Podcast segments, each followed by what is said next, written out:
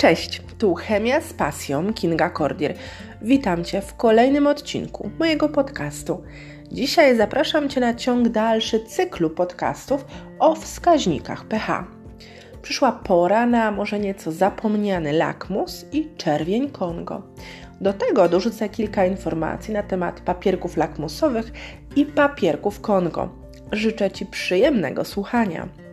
Co do takiego lakmus, jest to produkt naturalny. Wyciąg z porostów Rocella fuciformis. Porosty te występują u wybrzeży Morza Śródziemnego i Oceanu Atlantyckiego. Wskaźnik jest mieszaniną wielu barwników, głównie azolitiminy. Lakmus w roztworach o pH poniżej 5 przyjmuje zabarwienie czerwone, z kolei w roztworach o pH powyżej 8 zabarwienie niebieskie. Lakmus, a papierki lakmusowe. Co to są papierki lakmusowe? Są to paski bibuły filtracyjnej nasączone lakmusem. Do wykrycia obecności kwasów stosuje się niebieskie papierki lakmusowe. Z kolei do wykrycia obecności zasad stosowane są czerwone papierki wskaźnikowe. A co to takiego 7-hydroksyfenoksazon?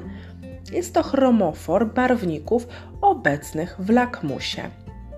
Może jeszcze kilka słów o czerwieni Kongo i papierku Kongo? Papierek Kongo to kawałki bibuły, które są nasączone czerwienią Kongo. No dobrze, co takiego czerwień Kongo w takim razie? Jest to związek chemiczny z grupy barwników bisazowych.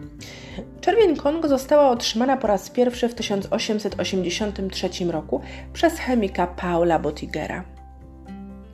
Miał on otrzymać związek dla firmy Bayer, ale w związku z brakiem zainteresowania ze strony tej firmy otrzymanym barwnikiem, Bottiger opatentował ten związek i sprzedał go firmie Aqua.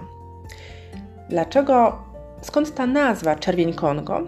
Nazwa miała być chwytliwa, wzbudzać zainteresowanie. Trwała wtedy konferencja berlińska, która poświęcona była ustaleniu podziałów terytorialnych, przyszłych aneksji terytorialnych w Afryce. Czerwień Kongo w roztworach o pH poniżej 3 przyjmuje zabarwienie niebieskie. Z kolei przy pH powyżej 5,2 zabarwienie czerwone.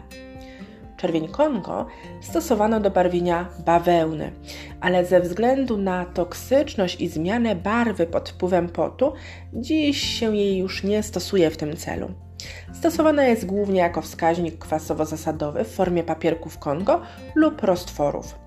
Mikrobiologii do barwienia bakterii, do oznaczania kwasu mlekowego w pożywkach, czy też do oznaczania wolnego kwasu solnego w soku żołądkowym.